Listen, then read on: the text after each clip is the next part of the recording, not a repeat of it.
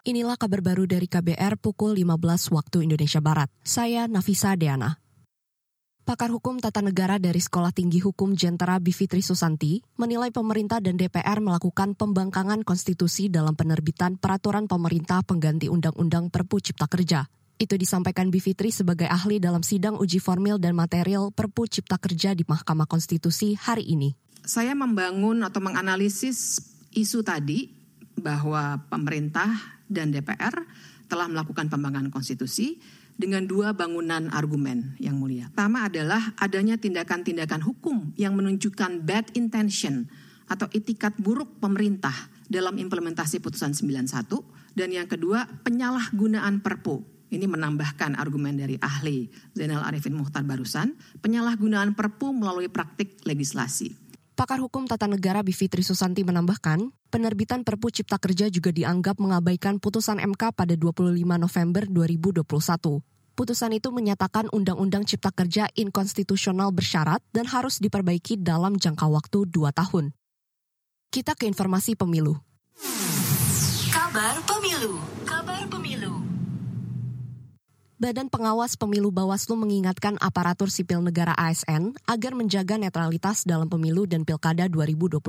Deputi Bidang Dukungan Teknis Bawaslu Labayoni mengatakan, penempatan jabatan di daerah masih cenderung mempertimbangkan keterlibatan dalam pilkada, sehingga pengisian jabatan oleh ASN tidak berkompeten. Dalam, dalam pelaksanaan pemilu, lebih-lebih pilkada di daerah, banyak ASN yang sengaja melibatkan diri dengan hitungan-hitungan yang real dalam arti bahwa kalau Anda kan yang bersangkutan uh, melibatkan diri dalam pelaksanaan pemilihan, jika calon yang dia dukung itu menang, maka dapat dipastikan yang bersangkutan dapat atau menduduki jabatan-jabatan strategis.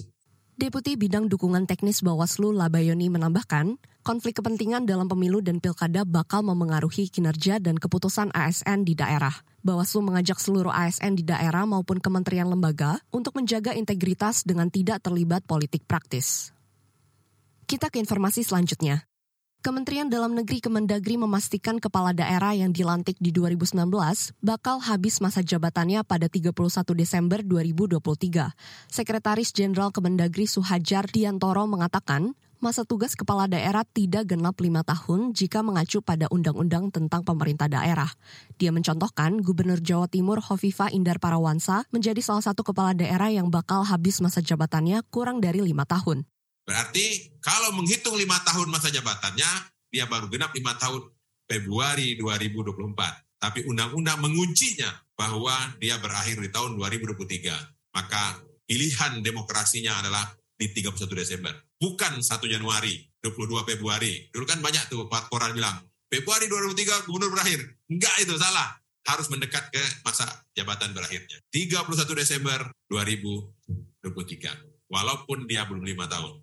Sekretaris Jenderal Kemendagri Suhajar Diantoro menambahkan, para kepala daerah tetap menerima gaji selama lima tahun. Setidaknya ada 170 kepala daerah yang berakhir masa jabatan di 2023 dan 101 kepala daerah di tahun 2022.